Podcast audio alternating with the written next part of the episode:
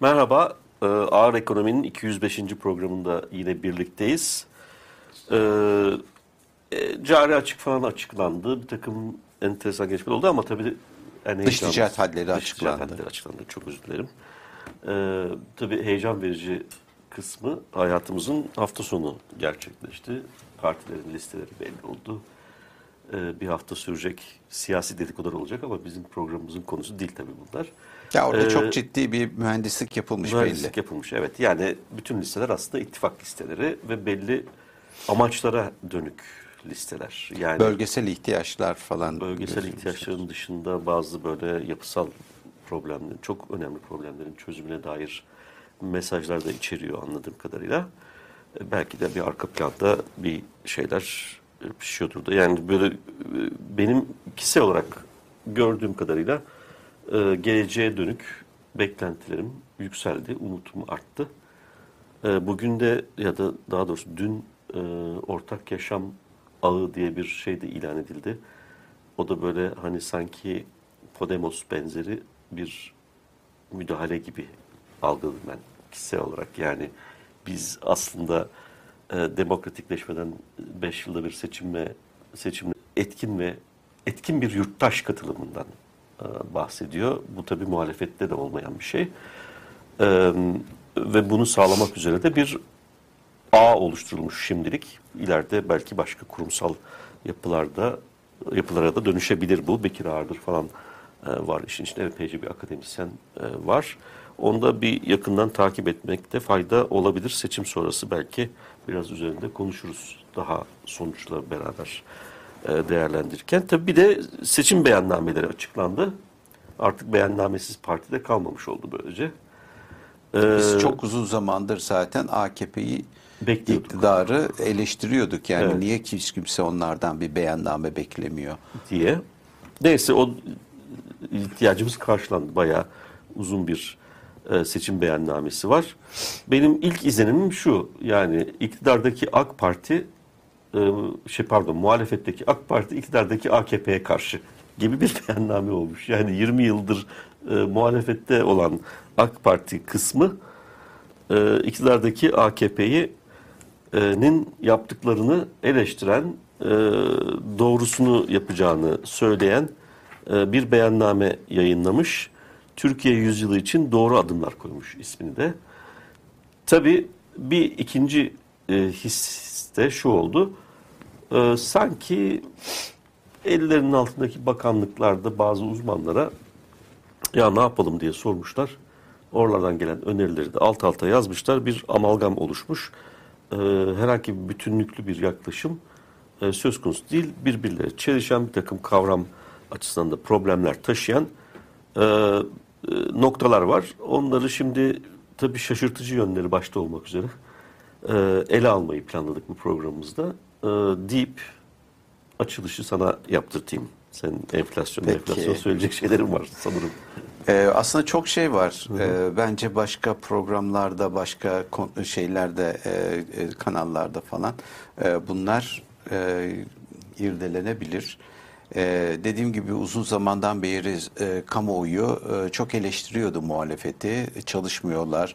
İşte muhalefet iktidara gelirse ne yapacağı belli değil. Bunlar Türkiye ekonomisini yönetebilir mi? Bunlar e, Türkiye e, ekonomisinin problemlerine e, çözüm bulabilirler mi? Çözebilirler mi?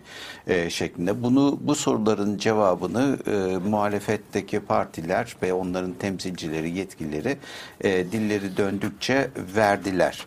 Ancak e, bu konuda e, çok doğru, e, doğrudan bir e, cevap e, verebilmek için e, bir karşılaştırma, bir referans noktasına ihtiyacınız var. Bu referans noktasını da e, iktidardaki siyasi partinin kendi beyannamesi ve Türkiye ekonomisine, Türkiye ekonomisindeki problemlere nasıl baktığının ortaya konulmasıyla mümkün olabileceğini de düşünüyoruz. Bu, bu bakımdan önemli bir şey. Şimdi e, içerik e, tahlili hani biz e, akademik çevrelerde çok makaleleri, raporları eleştiririz. Hani hoca olduğumuz için de çok fazla bu konuya e, şeyiz yani yatkınız. E, mesleki deformasyonumuz da var. Öğrenci projelerini falan değil mi? Ödevlerini, sınav kağıtlarını e, hep böyle eleştirel e, bir şekilde bakarız. Dolayısıyla e, bugüne kadar e, çok fazla eleştiri e, getirdik. E, muhalefetin yapmış olduğu e, şeylere e, tekliflere, yazdığı e, dokümanlara. Bu e, son söyleyeceğimi ilk e, söylemem gerekirse bu olmamış. yani 20 yıllık bir iktidarın e, bu şekilde bir beyanname yazması hiç olmamış. Çok amatörce e, bir iş olmuş. E, dolayısıyla bunu e, en başta söylemekte bir beis görmüyorum e, açıkçası. Ama bu e, çok iddialı bir şekilde e, ifade edilmiş. İşte dün e, Sayın Cumhurbaşkanımız bunu kamuoyuna açıkladı ve bunu e, açıklarken de enteresandır ki burada en temel insan haklarından birisi olarak kabul edilen yaşam hakkının depremle, deprem riskiyle, deprem güvenliğiyle ilişkilendirildiği bir metin bu ağırlıklı bir şekilde. E, anladığım kadarıyla e, AKP e, bu beyannamesinde depreme bu kadar e, fazla ağırlık vererek e, son yaşadığımız e, felaketin e, kendi felaketten ders çıkarttığını ve bunun e, buradaki eksiklerini gidereceği yönünde bir takım e, şeyler, e, sözler e, sarf etmeyi tercih etmiş. Ama aynı toplantıda bir deprem profesörüne yönelik sarf edilen sözler e, olmadı. Ee, yani e, o zaman insanlar ister istemez e, bir samimiyet e, sorgulamasını sorgulamasına e, başladı. Çünkü o deprem e, profesörü e, bundan e, yıllar önce e, bu, bu e, yaşadığımız depremi, e, o bölgelerdeki depremi e, söyle söyleyebilmiş, dile getirebilmiş hem de defalarca ve iktidarın çeşitli e, unsurları tarafından eleştiri pahasına bunları söyleyebilmiş edebilmiş e, bir kişi ve o kişinin mesleki e, yeterliliğini e, e, masaya yatırarak bir iktisatçı olarak üstelik. Evet bir ekonomist, ekonomist olarak, olarak e, yatırması doğru olmamış. E, o zaman tabii ki bu e, metinde ifade edilen depreme yönelik e, düşünceler e, düşüncelerinde e, bir samimiyet açısından sorgulanmasının doğru olacağını düşünüyorum. E, dünkü e, toplantının e, benim aklımda kalan e, kısmı o. İletişim e, açısından da bu bir problemdir. Bunun e, ön plana e, kasıtlı olarak geçirildiğini de düşünüyorum. Yani e, program belki açıklanan e, seçim beyannamesi güçsüz olduğu için belki bunu kasıtlı olarak yapıp hani e, hedef saptırmak gibi bir şey mi e, düşünüldü? E, o bile aklıma geldi e, açıkçası. Sayın Hocam e, beyannamenin ana e, fikri iki tane temel ilkesi var. Ee, hani ben teknik detaylara sen de e, hesaplamalar yaptım biliyorum. E, bunları anlatmakta da e, faydalı olur diye düşündüm. Yarın değil hemen şimdi. Ee, yani e, beklemeye tahammülümüz yok. Şimdi bunları yapacağız ama yani neyi yapılacağı konusunda net bir fikir elde edebilmiş değilim. Yani ben metni okuduktan sonra e, neyi yapacak, hemen neyi yapacağı konusunda e, bir fikir edinemedim. Bu bir. İkincisi e, yarın değil ama yani e, yarın zaten 21 yıldır e, iktidarda olan sensin. E, yani yarın o zaman e, e, e, dolayısıyla bugüne kadar e, bir şey yapmış olman lazım. E, ya e, bugün hemen şimdi e, bunu e, yapabilmen için e, değil mi? Bir takım bir başlangıç noktasına ihtiyacım var. O başlangıç noktası senin ifade ettiğin gibi e, kimin başlangıcı? AK Parti'nin mi, AKP'nin mi evet. e, başlangıcı? Bir tercih yapın yani. Yani e, o konuda e, bir şeyim yok. E, hemen bunun arkasından güçlü ve büyük Türkiye ideali, değerler e, ve söylem bazında, siyasi söylem bazında.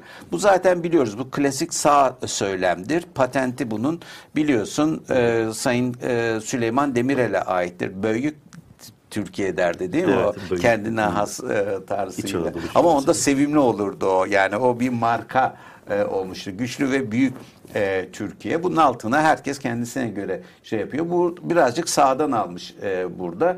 E, ikinci bir değeri de sloganında daha adil bir dünya mümkün. E, ben bunu görünce dedim ki hemen soldan da esinlenilmiş. Ortaya bir ara karışık yapılmış gibi bir e, izlenim edindim.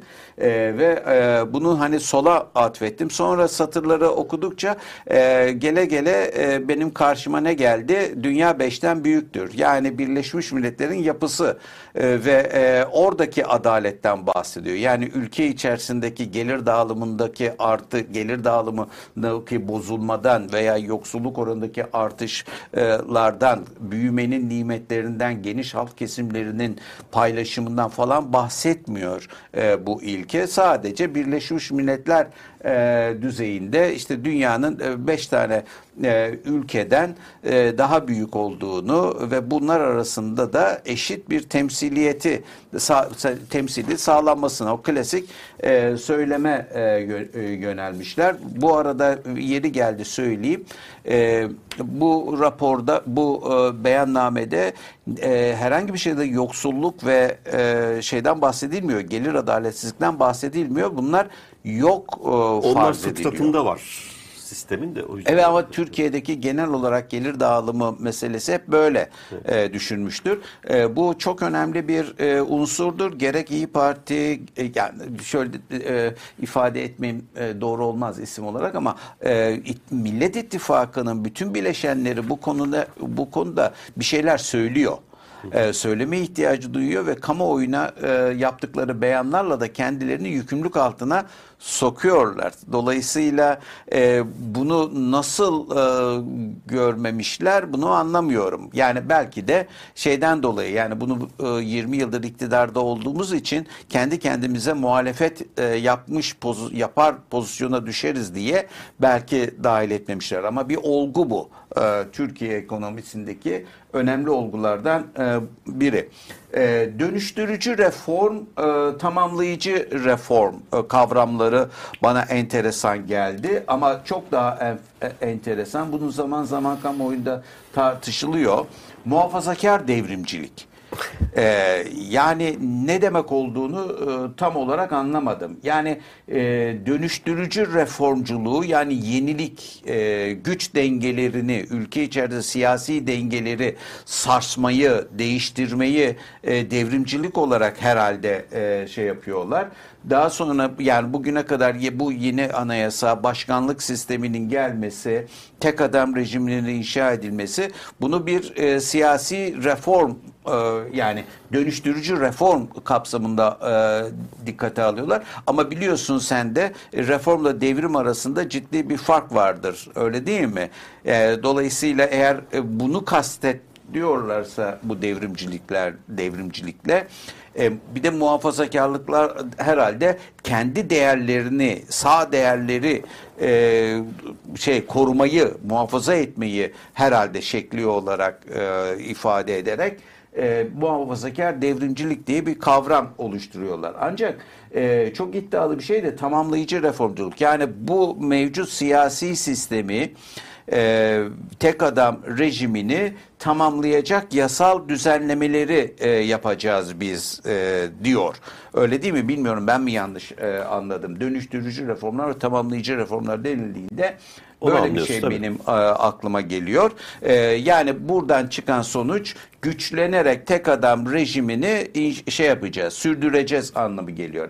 Bunun üzerine niye duruyorum? E, çünkü adaletten bahsediliyor, bireysel haklardan bahsedili- bahsediliyor, özgürlüklerden bahsediliyor bu metinde.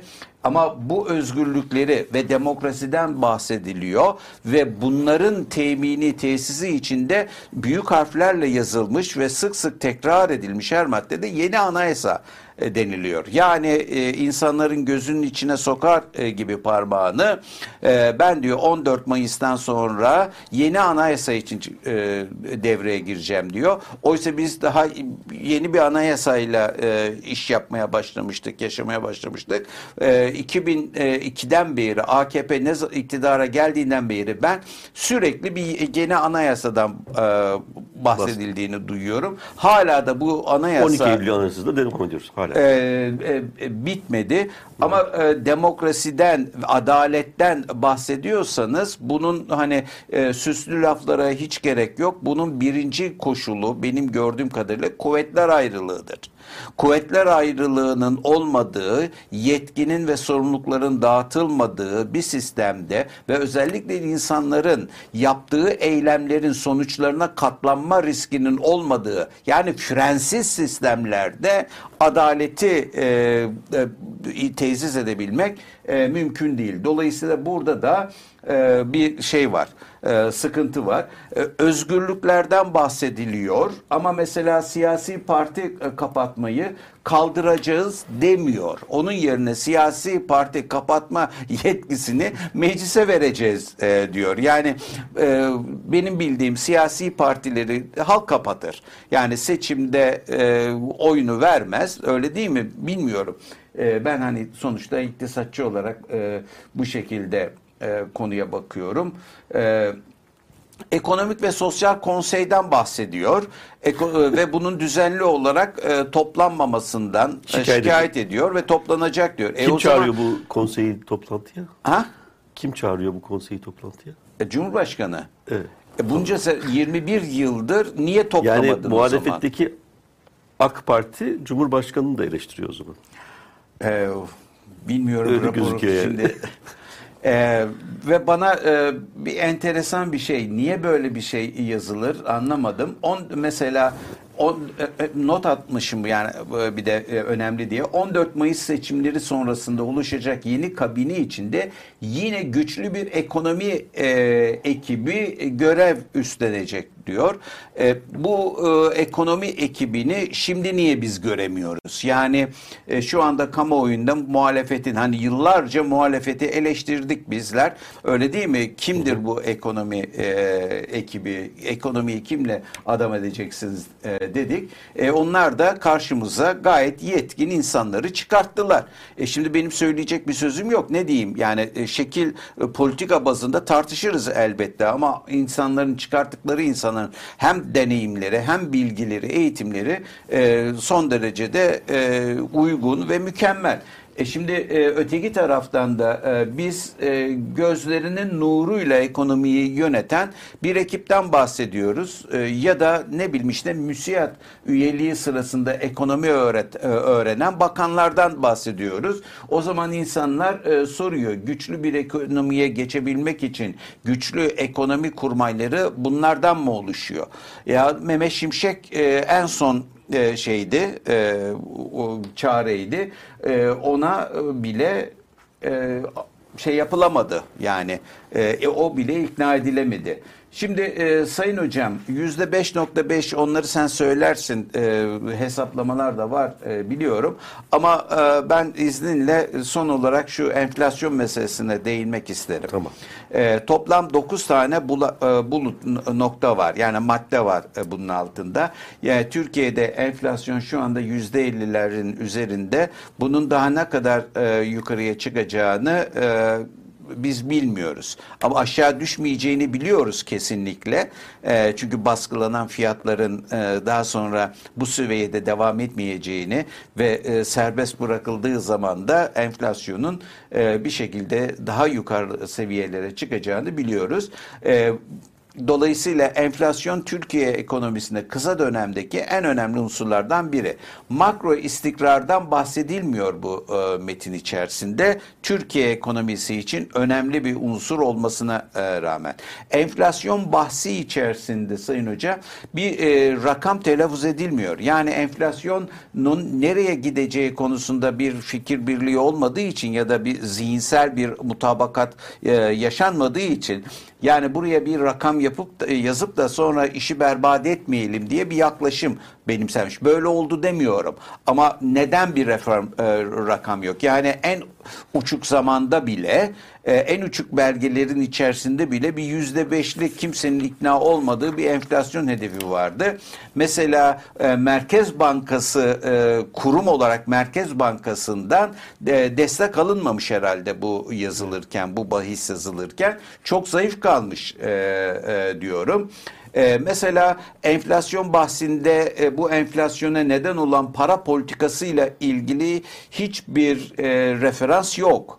Yani e, biz e, iki yönde de yok. Yani eğer bu e, enflasyon e, için Sayın Cumhurbaşkanımızın ifade ettiği tez ve bizlerin de ciddiye alıp yıllardır tartıştığımız tez yani enflasyonu düşük tutarsak e, pardon e, faizleri düşük tutarsak enflasyon düşer tesi. Sayın Cumhurbaşkanımız bunu söylüyor.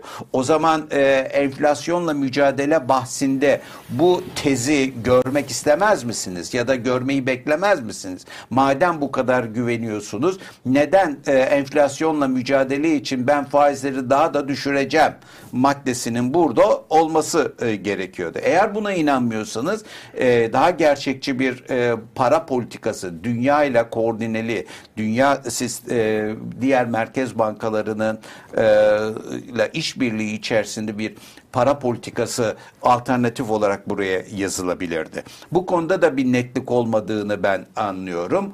Ee, bir başka e, husus Merkez Bankası'nın bağımsızlığından e, bahsedilmiyor burada. Yani yine tek adam rejiminin e, bütün etkileri burada e, görülüyor. Enflasyonun dar gelirli vatandaşlarımız üzerinde e, yaptığı olumsuz etkileri yani gelir dağılımı ve yoksulluk açısından yaptığı etkileri giderecek politikalardan bahsediliyor. O politikaların ne olduğunu ben de merak ediyorum. E, Lütfü Bey'i veya Cevdet Bey miydi? İkisi hazırlamış herhalde ya da koordinasyonunu yapmış. Onları görürsek ve buradan da te, e, şey yapalım, davet edelim e, o politikaların neler olduğunu e, bize burada anlatsınlar.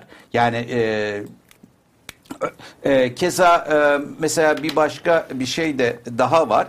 E, biz bunu bu programlarda çok e, dinlendirdiğimiz için e, söylemesek e, bu, e, olmaz.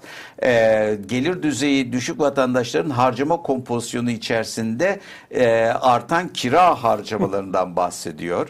Kira harcamalarını düşürmek için e, sosyal e, konut projelerinin e, öncelik verileceğini, projeler öncelik vereceğini ama adamın zaten geliri düşük. Bir, harcama kompozisyonu değişmiş, e, geliri düşük olduğu için bu enflasyonla har, e, bütün gelirini bunlara harcamış. Konut satın alabilmesi için bu insanın tasarruf yapması lazım. Bu adamların tasarruf yapma e, eğilimi düşmüş. Zaten sen söylüyorsun düşük e, gelirli yani iktisat literatürü düşük gelirli tasarruf yapma eğilimi düşük der.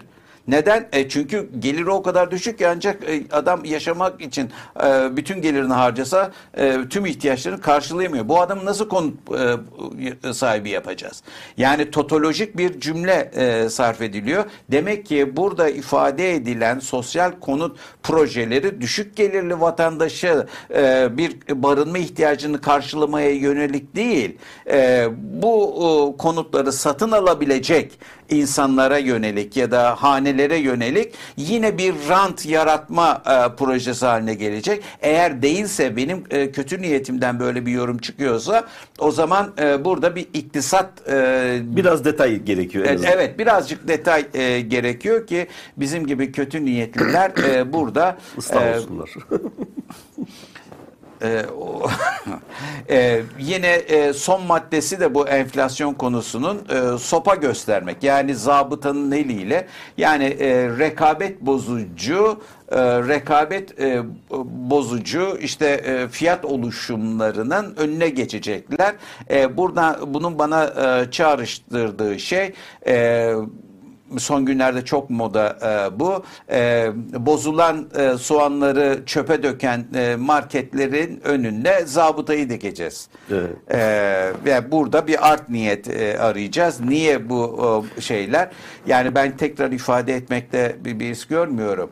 E, uzun bir süre e, vatandaşları meşgul ettiler. Üç harfli marketlere düşman ettiler.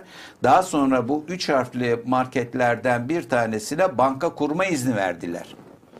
E, madem böyle e, küresel güçlerle işbirliği içerisindeki üç harfli marketlerle mücadele ediyorsunuz, o zaman neden bu işin e, bu marketlerin ve dış güçlerle işbirliği içerisinde olan bu marketlerin bankacılık sektörlerine de sızmasına izin veriyorsunuz?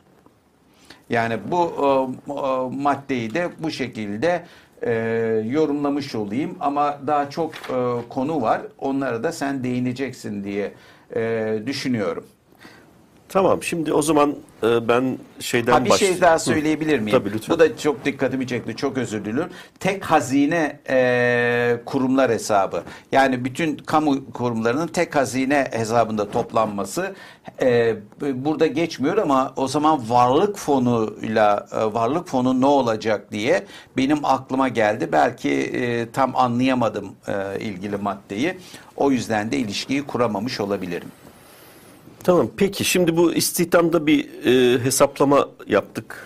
Aslında ona bir değinmekte fayda var. Çünkü şey iddialı bir hedef var. E, işsizlik Çok. oranını 5 yıl sonra %7'ye düşüreceğiz. Altına. %7'nin ha, tamam hadi %7 olun. Eşit ve küçük diyelim. %7'ye düşüreceğiz diye. Şimdi o şöyle bir egzersiz yaptık aslında. 31.480 yani 31 milyon 400 31,5 milyon kabaca e, istihdamımız var. E, 3,5 milyon da işsizimiz var. Yani toplam iş gücü aşağı Mevcut yukarı durumda. 35 milyon. Şu anda 2022'nin sonu itibariyle. E, dolayısıyla bunu eğer aşağı yukarı yüzde yani 400-500 bin civarında yeni iş gücü girişi oluyor. Bunu hesaba katacak olursak e, iş gücümüz 37,5 milyona çıkacak demektir 5 yıl sonra. E, şimdi şeyden gidersek yani e, bu yüzde yedi olacak ya işsizlik. 35-37 milyon 480 binin yüzde yedisi 2 milyon 600 bin yapıyor. Yani hem o yeni gelenlere iş bulacaklar hem e, işsizlik stoğundan da bir 900 bin kişi kadar azaltacaklar. Yani üç buçuk olan işsizlik 2 milyon İşsiz sayısı. işsiz sayısı İşsiz sayısı bugün 3,5 milyon 5 yıl sonra 2 milyon 600 bine düşecek. Ee, ve buna karşılık e, 500 bin artacaklar. Aslında burada e, iş gücüne özellikle kadınların e, iş gücüne katılma oranını %40'ın üzerine çıkaracağız diye bir kompozisyonel değişiklik de var. Onun etkisini de dikkate almıyoruz. Çünkü eğer o da varsa o zaman iş gücü herhalde 38,5 falan olur ya da 38 olur. Aynen. Neyse. Hadi orada da şey yapmadık. Çünkü bu hani kimse kimseye sormamış ya. Burada öyle anlaşılıyor çünkü. Ee, onu da dikkate almadan e, çalışacak olursak e, bu aşağı yukarı demin de söylediğim 900 binlik bir azalış anlamına geliyor. Şimdi bunun gerçekleşebilmesi için bizim elimizde yani ne kadarlık büyümeye ihtiyaç var sorusu tabii insanların aklına geliyor. Ee, bunu düşünecek olursak bizim eski çalışmalardan pek çok meslektaşın yaptığı eski çalışmalardan e, elde kalan şey aşağı yukarı yüzde beşlik büyüme Türkiye'de yüzde beşlik büyüme işsiz sayısını aynı tutuyordu. Yani yüzde beşlik büyüme e, gerçekleştirilecek olursa e, bu yeni gelenlere iş sağlamaya yetiyor ama 3,5 milyonu azaltmaya yetmiyor. Dolayısıyla bu durumda 3,5 milyon %5 büyürsek ortalama 5 yıl boyunca e, işsizlik oranı e, yüzde pardon işsiz 3,5 milyon işsizin de taşımaya devam edersek azaltamadan o zaman işsizlik oranı yüzde 10.0 oluyor. Yani 10.4'ten 10.0'a düşmüş oluyor 5 yıl sonra. Dolayısıyla bu 7'ye düşürebilmek için büyüme oranının hemen hemen %6-7 gibi bir şey olması lazım. E bunun, buna dair herhangi bir şey görmedik. Yani büyüme oranında... beş e, buçuk diyor. Beş buçuk diyor. E, o zaman Ortalama beş buçuk büyüme vaat ediyor. Ha. Kişi başı gelir de E, şimdi o zaman bu bizim hesapladığımız şey değişmiş olmalı 5'ten. E, ama bu değişme emek yoğun. Tek şey yönde değişmiş olmalı diye beklememiz gerekiyor. Çünkü benim beklentim artık %5'in de aynı tutmaya yetmeyeceği yeni teknolojiler nedeniyle ortaya Çok çıkan işsizlikten ötürü e, bunun biraz daha e, yüksek bir büyümenin ancak yeni gelenlerin tamamının iş bulmasını sağlayabilecek bir şey olduğunu. Dolayısıyla burada bir problem var. İkinci problem e, şimdi biraz daha neşeli tarafları da e, geçmeye çalışacağım aslına bakarsan. E, dijitalleşme ve dijital dönüşüm meseleleri var. Sonra da tarıma geleceğim. Tarım da çok e, ilginç bir metin.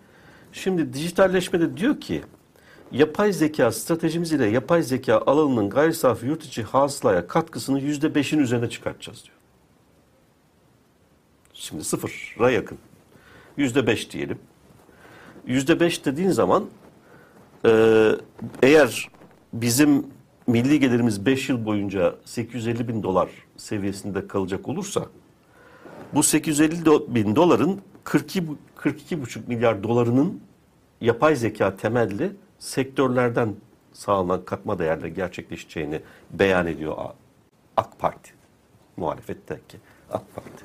Bunu nasıl yapacağını bilmiyoruz. Ama bir buçuk milyar dolar diyor. Şimdi- Bir buçuk milyara çıkartacağız gelirimizi. Neyi?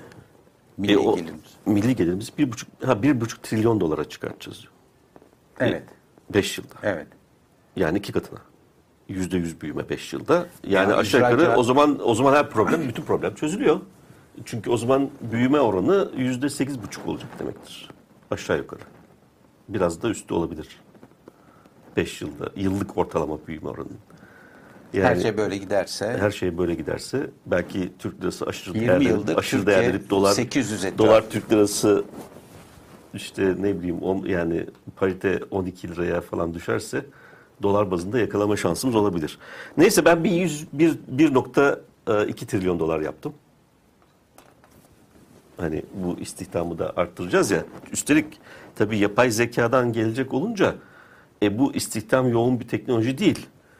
E, dolayısıyla bu yüzde yedi işsizlikle beraber yapay zekanın yüzde beşe ulaştığı bir ki yapay zeka tek başına yüzde beşe ulaşamaz. Teknolojide sürükleyici bir şeydir. Bu genel amaçlı bir teknoloji olduğu için diğer teknolojilerde de devrimci dönüşümlere neden olacak bir e, teknolojik kabiliyetten bahsediyoruz yapay zeka e, ile birlikte. E, o zaman e, istihdam oranı yani daha doğrusu bu emek yoğun istihdamın e, için kötü bir haber anlamına gelecek haliyle. E, bunun emareleri de var zaten etrafımızda. E, ve 1.2 trilyona çıkarsak bu %7 işsizlik hesabımız şaşıyor. Tamam hadi onu feda ettik diyelim ki 60 milyar dolarlık bir yapay zeka temelli katma değer üretiminden bahsediyoruz. Şimdi anlayamadığım bazı şeyler var. Yerli yapay zeka dil modellerimizi geliştireceğiz diyor. Modellerden Evet. bahsediyor. Yani bu chat GPT şu bu falan gibi. Şimdi bu, bu arkadaşların aklında dil modeli deyince ne var bilmiyorum ama yani bunun yerlisi enternasyonel nasıl oluyor bilmiyorum. Yani çünkü bu yapay zeka e, e, semantik bir anlam 01. semantik bir anlam işleme kabiliyeti olmadığı için çok şükür yani olursa çünkü norm koyma ve bizi bu dünyadan acilen postalama gibi bir e, nor- şeyi de peşinde de koşabilir. E, yaptığı şu bu dil modelinde yani aslında e, makine öğrenmesi yöntemleri ve istatistik yöntemleri mükemmel bir e, veri işleme kabiliyetiyle beraber e, bu veri işleme kabiliyetini kullanarak bir kelime koyuyor. Ondan sonra gelecek olan kelimenin e, e, en yüksek olasılıklı kelimeyi e, şey yapıyor. E, çok özür dilerim. En yüksek olasılıklı kelimeyi koyuyor, sonra koyuyor, koyuyor falan böyle bir metin çıkıyor yani. O yüzden arada bir doy, doy numaraları falan hani atıf yaparken kafadan sallıyor yani olmayan doy numaraları veya e, seninle ilgili metin yazısı sana işte e, yazmadığın bir makaleyi atıf yaparak falan süslüyor yazdığı metni. Böyle de iyi niyetli bir e, şeyden bahsediyoruz. Şimdi orada şöyle bir problem var. Tabii bu yapay zeka yani ChatGPT ve benzeri dünya kadar e, yapay zeka modeli e, çok yani hakikaten tahayyül etmesi çok zor miktarda e, bir kaynağa ulaşıyor. Yani e, Türkçe, İngilizce, Fransızca, Almanca, o bu neyse bütün bunlara ulaşabiliyor. Bunları analiz ediyor. E tabii ki bunların çok çok çok büyük bir kısmı İngilizce. Şimdi yerli dil modeli deyince bu İngilizce kaynakları kullanmayı reddeden bir dil modelinden bahsediyorsak yani programın ne üreteceğini ben çok e, eğlenceyle takip ederim doğrusu. Bunu merakla beklediğim şeylerden birisi. Yani bu 5 yıl içerisinde bu yapay zeka dil modelimizi e, üreteceğiz. İktidarda, iktidarı kazanırlarsa.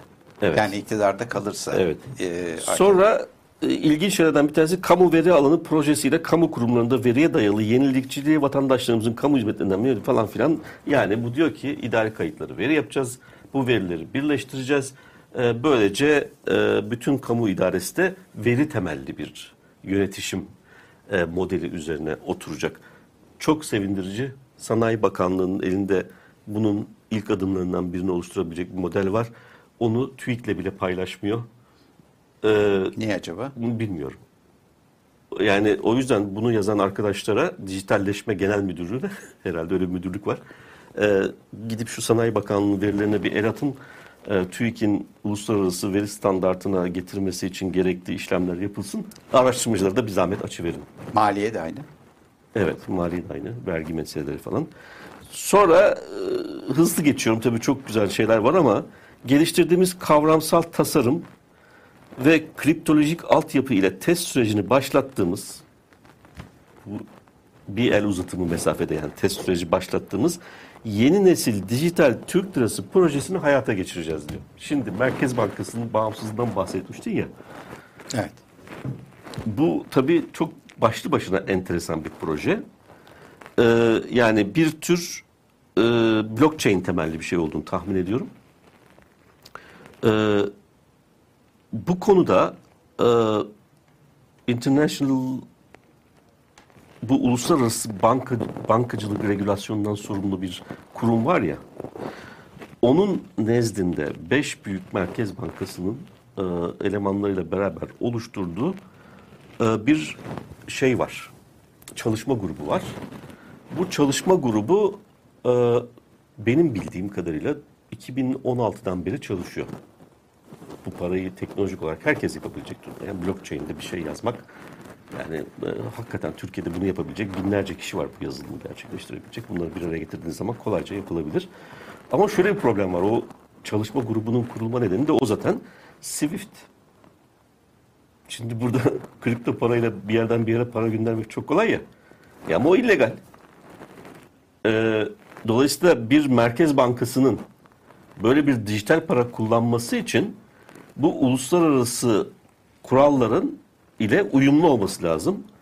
Ee, bu test başladığına göre buradan anlıyoruz ki Merkez Bankası bu konuda dünya çapında öncü bir nitelik kazanmış ve Swift'i bu kripto para içerisine gömmüş olmalılar. Aksi halde bunu uluslararası olarak kullanmak mümkün olmayacak. Yani birbirimizle e, şey yapabiliriz. Belki illegal bir yola girme e, hedefleri var onu bilemiyorum. Tavsiye etmem ama onu bilemiyorum. Bir de tabii e, kriptolojik altyapı demişken şu bizim meşhur şey meselesini de ele, ele almak lazım. E, vatandaşlık işleri meselesi biliyorsun. Orada tamamen elektronik e-devletten gidiyoruz falan filan. Ben bir yazı yazmıştım birkaç ay önce Medyaskop Pazar'da. Yazının başlığı illegal platformdu. Öyle bir web sayfası var. Bu illegal platforma gidiyorsun. Ee, pasaport istiyorsan pasaport parasını veriyorsun. Onun hepsinin şeyi de var. Bir gazeteci arkadaşımız bunlarla temasa geçti. Ee, fiyat listesini falan da o yayınlamıştı o zaman. O zaman oradan yola çıkarak e, şey yaptım. Yani bu e, basit bir e, şey değil. Eğer orada söylenenler doğruysa bu hiçbir zaman e, doğru düzgün araştırılmadı. Doyurucu bir yanıt verilmedi. Sadece e, İçişleri Bakanlığı'ndan yok kardeşim böyle şey tadında bir iki bildiri yani şey açıklama yayınlandı. Ama yani biz araştırdık, baktık, şuralara baktık, buralara baktık, şöyle baktık, böyle baktık, böyle bir şey yok. Bu yalan diye e, şey yapıldı. Fakat bu arada tabii o dönemde pek çok meşhur insana, gazetecilerin de oldu, pek çok meşhur insana e, başkasının ulaşması mümkün olmayan e, detaylarda e-devlette kayıtlı bilgileri gönderildi. Bakınız biz size bunu gönderiyoruz bir örnek olarak falan filan gibi. Böyle de fütursuz yani hani bir iş yapıyorlar. Bu işi de öyle bağırarak ilan ediyorlar. Web sayfası kuruyor. Bu web sayfası Darknet'te falan değil yani normal webde. Bizim kullandığımız webde. Ee, ve bu bütün bu anekdotlardan, anlatılanlardan benim çıkarttığım bu, bu buraya bir tünel açtıklarsa ancak bu işleri yapabilirler. Tünelden kastım şu, pas- pasif bir gözetleme sızma değil, e, aktif bir e, sızmadan bahsediyorum. Yani oradaki bilgi de değiştirme kabiliyeti olan bir sızmadan e, bahsediyorum. E, çünkü bu e, ne bileyim nüfus kağıdı falan veriyorlardı yani insanlara. Onun da bir parası vardı bu gayet ucuz falan. Şimdi böyle bir e, sağlıkla ilgili dünya kadar şüpheli durum var. Sağlık verileriyle ilgili. Başka verilerle ilgili çok şey, e, şüpheli durumlar var. E, bırak Türkiye'yi. Daha iki gün önce NSA'de şey vardı. NSA'in yani bu Amerika'daki e, Homeland Security ile beraber herhalde çalışan iç güvenlik kurumunun ve dış güvenliği de içeren bir şey. E, çatır çatır bütün verileri sızdı. Yani öyle şeyler var ki içinde. Wagner Türkiye'den Türkiye'ye ziyaret etmiş, silah almak istemiş. Mısır 40 bin tane füze satmak üzere e, şeye harekete geçmiş. İşte Amerika'nın bilmem neredeki operasyonlarına ilişkin detaylı böyle Wikileaks'teki sızıntı vardı ya bundan 10-11. Ondan çok daha büyük bir sızıntı gerçekleşti. Ve bunu Amerika Birleşik Devletleri'nin kriptolojik yeteneğine sahip yani sahip olduğu kriptolojik yeteneği düşünün. İç güvenlik ve dış güvenlik söz konusu olduğunda bu kriptolojik yeteneğin herhalde maksimumunu kullanıyorlardır diye düşünün. Ve oradan böyle bir sızıntı oluyor. Şimdi burada biz eğer bu kriptolojik yetenek yeterli gelmez ve elektronik paraya geçersek e, o zaman Merkez Bankası'nı gerçek anlamda piyasaya açmış bile olabiliriz belki. Çünkü üst buraya sızabilen arkadaşlar para arzı konusunda epeyce ferah davranabilirler. E, o yüzden e, bunu en yani bu dijital dönüşüm konusunda en çok ilgimi çeken noktalardan bir tanesi bu oldu. E, tabii bir de yüksek teknolojilerde öncü Türkiye başlığımız var. Ulusal teknoloji girişimciliği stratejisi kapsamında dünyanın en gelişmiş 20 ekosistemi arasında yer almayı tersine beyin gücü olacak demokraside e, büyük adımlar atacağız. İnsanlar burada çalışmaktan tabii sadece Türk Türkiye'de yetişmiş ve Türk kökenli insandan bahsetmiyorum. Bir tür silikon vadileri ne ihtiyaç var çünkü bunun olması için. Dolayısıyla bu uluslararası e, e, önemli yetişmiş insanları buraya çekeceğimizi de öngörüyoruz. Yani yüksek standartlı bir demokrasi olursa ancak e, mümkün olabilecek bir şeyden bahsediyoruz. Dolayısıyla buradan da sen hep şey e, işte gelir eşitsizliği bilmem ne falan gibi konuların altını çizdin. Ama aslında bir de tabii demokrasi konusunda da çok e, gördüğümüz bir şey yok. Yani bu mesela böyle bir e, ülkemizi küresel yenilik endeksinde ilk 20'ye taşıyacağız, 20 tane ekosistem kuracağız bilmem ne falan gibi şeyler söylüyorsanız e, bu başkanlık sistemiyle olmaz yani. Şeyle. Cumhurbaşkanlığı sistemiyle, ucube Cumhurbaşkanlığı sistemiyle olmaz. Yüksek standartlı demokrasi var. Hadi onu da pas geçtim. 20 ekosistemde yer almayı ekosistemimizden 15 tane Türkon, Türkorn çıkartacakmışız. Bu şey demek yani unicorn'u e, o tabi yeteri kadar yerli milli değil. O yüzden e, Türkorn çıkartacağız diye o şeyi de unicorn gibi uluslararası bir kelimeyi de Türkçeleştirmişler. Yani Türkiye'den 15 tane unicorn e, çıkartabiliyoruz. Benim bildiğim bir tane unicornumuz var o da getir. yani sonuç itibariyle e, çok yüksek teknoloji e, şirketi sayıp saymama konusunda e, şüphelerimiz olan bir şey. Ama bu da bir şey değil. 5 tane dekakorn çıkartacağız. Şimdi dekakorn nedir diye aklına bir şey gelmiştir herhalde. Benim de geldi Ben- baktım. Ben de ilk defa duydum çünkü. Dekakorn yeni bir kelime. Ee, bu dekakorn sınıfına giren şirketler konusunda birkaç örnek vereyim sana. Apple, Google, Microsoft. Ee, yani bunlardan 5 tane yapacakmışız 5 yılda. Yani dolayısıyla e, şey konusunda ki- 5 yılda yapsak yapsak yeni bir 5 tane inşaat şirketi çıkartırız. bilmiyorum 5 tane Apple ya da işte benzeri e, şirket yapacağız. E, o zaman tabii ki e, 1.2 trilyon çok düşük kalıyor. Ama bir buçuk Çünkü- milyar dolar, trilyon dolarlık bir milli gelir diyor. E işte E, beş tanesini Koyarsak- kursanız onların zaten cirosu şu anda Türkiye'nin bu e, hayalinin ötesinde, Ötesinde. bir milli gelirdir. E, o da tutarlı Dolayısıyla bir buçuk trilyonu çok geçeriz. Yani çok muhafazakar davranmış arkadaşlarımız. Muhtemelen o şey Milli Gelir Genel Müdürü ile e, Yüksek Teknoloji Genel Müdürü konuşmadılar birbirleriyle. Saray büyük ya. Ha olabilir. Orada, orada tabii insanların birbiriyle karşılaşması çok zor. E, bir çay içseler beraber belki bir orta yol bulurlardı ama o çay içme fırsatı olmamış. Bunları e, Ee, yumuşatmaya çalışıyor bazı arkadaşlar. Yani belki de e, konuşacak çok fazla bir şey yok e, diyerek. Ancak e, şu söylediğin son nokta bile e, olayın Ciddiyetsiz yani hocam. E, tamam son bir ciddiyetsizliğiyle. Şimdi ciddiyetsizliğin e, seviyesi bir şey. hakkında birazdan bir şey Yani e, madem e, büyük Türkiye, e, büyük Türkiye, güçlü Türkiye, lider Türkiye e, ama yani e, şimdi beş tane Apple'ın e, cirosunun e, ne kadar e, yani e, muhtemelen e, Apple'ın ve oradaki iki tanesinin cirosu e, Türkiye'nin gayri safi yurt içi hasılası Hemen hemen. e, civarında bir şeydi.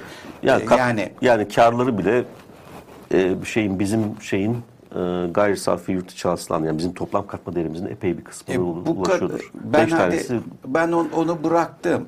E, böyle bir e, şirketi 5 yılda kuracağım diye e, Evet, Sayın çıkıyorsunuz. Cumhurbaşkanı'na çıkartıyorsunuz, konuşturuyorsunuz. evet.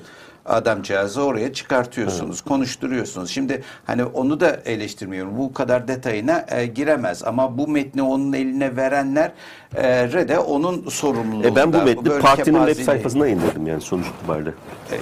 Ee, neyse yüksek teknolojili sanayilerin imalat sanayi ihracatındaki payını OECD ortalamalarına ulaştıracağız diyor. Bu da tabii 1.2 trilyon, 1.5 trilyon gibi şeyleri, e, milli gelirleri paramparça edecek e, şey. Yani bu, bu, bu bunlara bak bu hedeflere bakacak olursak bizim yıllık ortalama %20-25 falan büyümemiz e, gibi bir durumla karşı karşıya kalıyoruz. Gerçekten çok heyecan verici. Bunun için insan kaynağı var mı? Ee, onları ithal ederiz. Ne olacak biliyorsun sıkıştığımız yerde ithal etme söz konusu ya. Hızlı şarj teknolojileri, enerji yoğunluğu, yüksek batarya hücre teknolojileri tam otonom, sürücüsüz mobilite sistemlerinde öncü ülke olacağız diyor. Yani bu Google'ın şoförsüz arabası falan var ya. Şimdi bu şoför tam otonom mobilite sistemi konusunda bir fikri var mı bu- bunu yazanın? Hiç anlamadım. Ya onun bir parçasını Gerçekten. üreteceğiz desen daha gerçek. Ee, o öncü ülke olacağız diyor. Şimdi burada tartışılan konu şu. Yani hukuki falan problemleri bir kenara bırakıyorum. Hani kaza yaparsa kim sorumlu olacak falan filan gibi. Ee, et- şey felsefi tartışmalar falan var ama bir de teknolojik tarafı var işin. Şimdi e, burada mesele otomobili üretmek değil. Otomobili üretmekte hiçbir problem yok. Yani şu anda çat diye şoförsüz araç çıkar ortaya. Ama bunu trafiğin içerisinde hareket ettireceksin. Yani İstanbul'da. İstanbul'u geçtim. Mutedil, küçük bir şeyden bahsediyorum, kasabadan bahsediyorum. Az aracın olduğu falan. Diyelim ki orada test yapıyoruz ya, oradayız. Şimdi bunun yapılması için yani çeşitli sinyallerin alınabilmesi lazım. Yani bir müthiş bir sinyalizasyon sisteminin olması gerekiyor. Yer şeyin yolun altında, kenarlarda diğer araçları algılayabilecek. e, görsel tanıma teknolojisinde büyük sıçramalar e, yaratması gerekiyor. E, ben sadece şunu söyleyeyim. E, ben tabii bir toplu taşımacı olarak yakından takip ettiğim bir konu sinyalizasyon meselesinde yeteri kadar iyi olunamadığı için Marmaray 8 dakikanın 7 dakikada birlik sefer sayısının altına indirilemiyor. Ee, Temel tren kazalarını pas geçiyorum zaten. Ee, dolayısıyla hani bu otonom şey mobilite sisteminin e, ortalığa salındığı bir yerde e, kim ne kadar güvencede olur onu da e, bilemiyorum. Son olarak birkaç tane şey var ama sonra bir de ay misyonu kapsamına değinmek istiyorum doğrusu. Ay, Şey, misyonu uzay şu. mı? Yok, ay misyonu şu. Ay'a sert iniş yapacağız diye bir açıklama yapmışlardı bundan birkaç ay önce. Biz bunu açık radyo programımızda e, biraz konuştuk. Çok eğlenceli bir mesele. E, bu sert iniş dediği şu. Ay var ya, buradan bir füze atacağız ve ayı vuracağız. Misyon bu. Yani gidecek füze ve geri gelmeyecek tabii doğal olarak. Orada yörüngede de durmayacak muhtemelen. E, niye vurmak istiyoruz onu da bilmiyorum. ben de anlamadım. Ama Ee, böyle füz- bir yani vurabiliyoruzu göstermek için e, tutturabilirsek vuracağız ayı. Ay misyonu bundan ibaret. Şimdi gıda, tarım ve hayvancılık meselesine gelecek olursak. Bir kere sen enflasyonun çok kısa olmasından şikayet ediyordun ama hakikaten karşılaştırdığım zaman dijitalleşme, teknoloji falan enflasyonla mücadelenin iki katı, iki buçuk katı içeriyor. Fantazi kısmı bayağı güçlü yani. Bilim şeyin. kurgu kısmı. Bilim kurgu diyemeyeceğim çünkü bilim kurgu benim ciddiye aldığım bilim kurguda bilimsel bir temel var adı üzerinde. Çünkü bir parçası bilim ya. Burada o yok. Yani burada e, daha çok fantazi kurgu gibi e, düşünebileceğimiz şeyler. Şimdi 20. başlığın ismi tam olarak şöyle. Gıda, tarım, havyancılık ve su politikaları. Pardon. Gıda, tarım, havyancılık ve su politikaları. Yani hani biz diyoruz ya bu böyle sallapati yapılmış, edit bile edilmemiş. Yani muhtemelen bunu birisi yazmış, birileri yazmış. Bölüm bölüm yazmışlar çünkü. Bir başkası okumamış bile yani. Ee, şu edit edilmemesi e, bunu gösteriyor. Ee, işte stratejik ürünlerin yeterli falan böyle uçuyoruz, kaçıyoruz yine. Ee, arz güvenliği takip sistemi kuracağız. Tabii bu arz güvenliği takip sistemi kuracağız diyen yani ürünü takip edecek olan arkadaşların henüz e, doğru düzgün yapılıp yapılmadığını kamuya açıklanmadığı için bilmediğimiz çiftçi takip sistemi yok. Yani O eskiden. ee, evet yani bunun 2012'de bine bitmesi gerekiyordu. TÜİK'den takip ediyordum ben çünkü onu. Çünkü o biterse TÜİK de tarım sayımına çıkacaktı. İşte envanterimiz yok ki. Ee, tarım sayımına çıkınca da bu tarımsal işletmelerin yani orada çiftçi kayıt sistemiyle e, şey yapılmış e, idari kayıt altına alınmış işletmelerin kabiliyetlerinin ne olduğunu, sermaye stoklarının ne olduğunu, nasıl çalıştıklarını, e, ne ekip, ne biçtiklerini, neyle uğraştıklarını öğrenecektik. Ve buna göre de bir tarımsal planlama. Hani o şey Sayın Hazine ve Maliye Bakanı şey dedi ya, ya bu soğan fiyatını bugün yüksek, yarın düşük olur. Bu böyledir. Örümcek ağ teoreminden bahsetti. O e, işte ondan sonra da dedi ki biz bu şeyi e, Tarım Bakanı ile görüşeceğiz. Ondan sonra böyle işte e, örümcek ağ teoreminden kurtulmak için bundan yaklaşık 60 yıl öncesinde falan diğer ülkelerde yapılmış bir işten bahsediyor. Onu yapmak için görüşeceklermiş. Ne zaman? Önümüzdeki yıl. Ne kadar zamandan sonra? 20 yıldan sonra. E, görüşeceklermiş. Tamam çok güzel. Bunu anlıyoruz. Onu yaptıktan sonra arz güvenliği takip sistemi de kuracağız. Yani bu böyle e, büyük mesafeler alınıyor biliyorsun. Bölgeler arası dengesizlik var. O da yok tabii burada. Bölgeler arası dengesizlikle ilişkin en ufak bir ima söz konusu değil. E, eşitsizlik önemli parçalarından bir tanesi ve Türkiye'nin ana sorunu olarak Mahalli idareler de yok. e, mahalli idareler yok. Onlar da herhalde mahalli seçimleri belki de kaldırmayı da düşünüyor olabilirler. Ürün doğrulama, rekolte tahmini, yapay zeka, coğrafi bilgi sistemleri, algoritma gibi teknolojik gelişmeleri kullanacağız diyor. Şimdi algoritma bu metni yazan arkadaşlar tarafından teknoloji olarak algılanıyor. Yani 1200 yıllık bir teknolojiden bahsediyoruz. Ve bunu üstelik geliştiren de e, İslam'ın en İslam düşüncesinin en parıltılı zamanlarında İslam bilimcilerdir. İslam bilim yani İslami bilim İslam dünyasındaki bilim insanlarıdır. E, isim de zaten oradan geliyor, Arapçadan geliyor yani.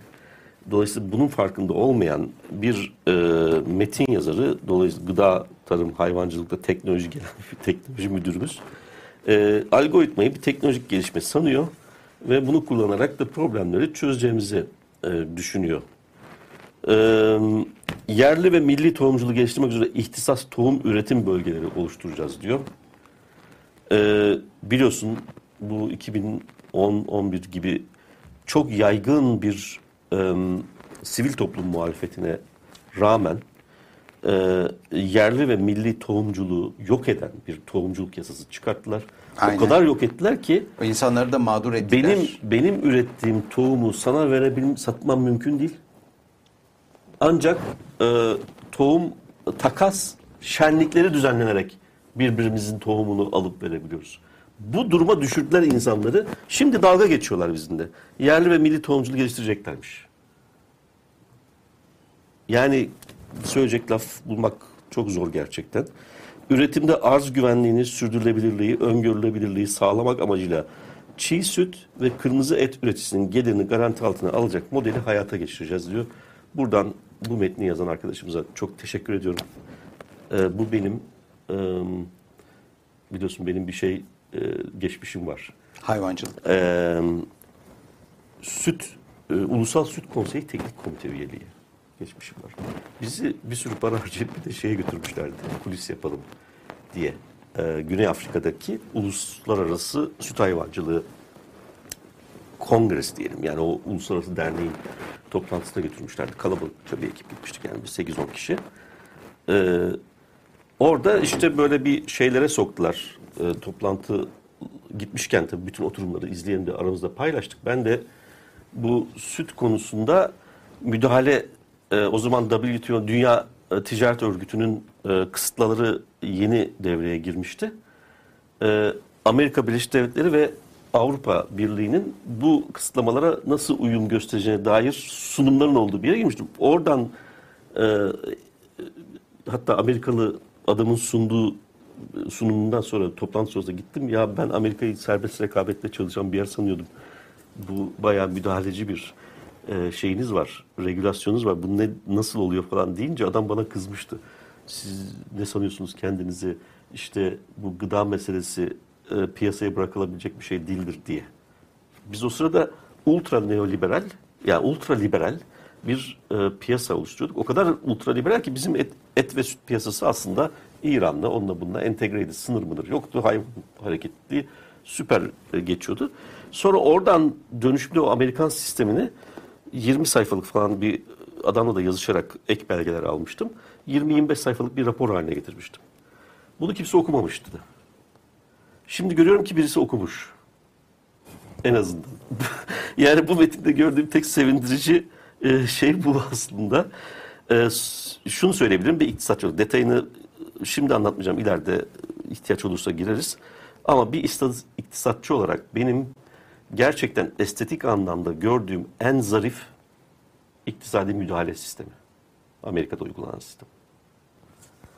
Ee, ve onu e, buraya yapacağız diye yazmışlar. Bu zaman zaman telefon geliyordu bana.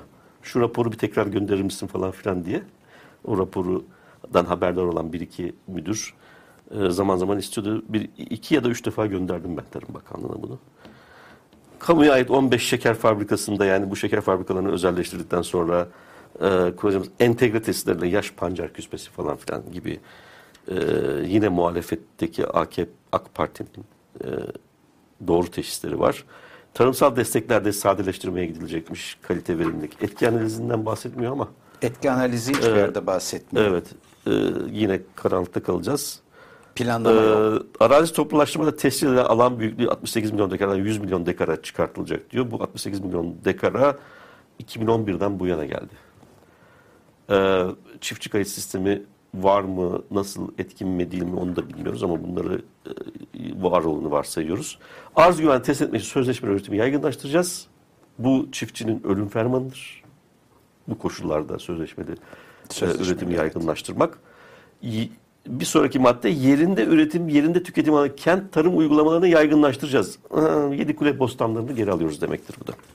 Yani sen e, yedi kule bostanlarını yerle bir betona göm, sonra dön bunu yapacağız diye ortaya çık. Bu iki yüzlüktür. Olmadı. Diyeyim, burada keseyim artık. Ya konuşulacak çok şey çok var. Çok şey var ama, ama vaktimiz doldu. Ee, bizim e, aldığımız ciddi yani eleştirerek aldığımız e, yani verdiğimiz önemi yazanlar muhtemelen bu kadar vermemişler. Bizim kadar okuyan yoktur. Ee, Herkes kendi bölümünü okumuştur. Evet ben e, açıkçası e, şeyde mutabakat belgesinin de o da biliyorsun 2000 sayfanın üzerindeydi ve çok detaylı mikro düzeyde e, şeyler vardı. E, fersah fersah fark var. E, bunun da e, hani sürekli muhalefetle yatıp kalkan bir takım kesimler vardı. Niyetleri nedir e, bilemiyorum ama herhalde e, iktidar tarafından desteklenen e, bir takım arkadaşlardı. E, onların da insaf sınırları içerisinde karşılaştırmalarını ben e, gör, karşılaştırmalarını görmek isterim yani yazılı E, ve bir son noktaya da parmak basayım E, burada şey yok dünya e, ekonomisinde Tabii canım. önümüzdeki e, Nereye günlerdeki nereye gideceğimiz Yani meselesi yok. izole bir Türkiye kurmayı planladıkları apaçık ortada zaten siyasi sistemde onu Ya olmaz. e, yani bu, Bunu yemez. Evet yani Türkiye'de artık bu bu tür bir e, toplumu bu top, burada yaşayan insanlar kabul etmez. e, Bunu da o- kabul- e, Kanal İstanbul yok. e, var. Kanal İstanbul var. Pardon şey. Bir maddede var ama şu, yani e, yapacağız diyorlar. Kamu maliyesi açısından e, bir takım hani esnekliği ortadan kaldıran garanti ödemeler, Falan, bunların yarattığı problemler, emekli e, e, ve bununla ilgili EYT ile ilgili sosyal Tabii, güvenlik tabii. sistemindeki deformasyonla ilgili e, e, hususlar. Kamu bankacılık sisteminde. e, yani her neyse e, daha çok konuşuruz. var. Konuşuruz. bunları. Biz çok açtık süremizi. Önümüzdeki hafta tekrar görüşmek dileğiyle. Hoşçakalın. Hoşçakalın.